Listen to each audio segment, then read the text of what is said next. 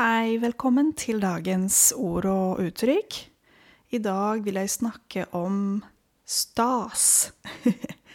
Hva betyr stas? Eh, hvis du snakker om klær, for eksempel, eh, så snakker du om veldig fine klær som du har på deg. At du har pyntet deg litt fordi det er en Ja, jeg vet ikke, kanskje du skal ut hvis det er en fredag som i dag.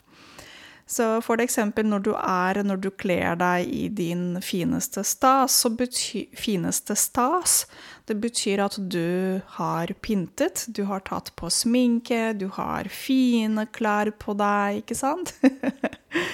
um, uh, og så kan du snakke om for eksempel at Du kan si at det var stas på festen i går. Og når du sier at det var uh, Du var på en fest, og det var stas, da sier du det var veldig moro, det var veldig fint, det var så glede og veldig Ja. Det var kjempebra. Så stas er egentlig noe positivt. Noe som er kjempebra. Ja, jeg håper at du forstår litt mer nå.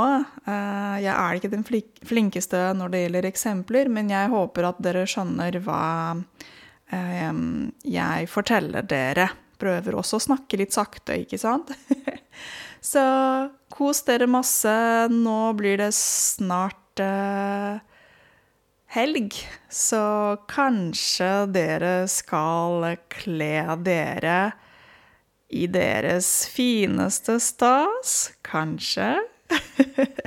God helg, alle sammen, så høres vi igjen. På søndag kommer som en vanlig podkast, men neste uke, mandag, ikke sant, kommer disse minipodkastene med ord og uttrykk. Ha en kjempefin uh, dag og helg. Ha det!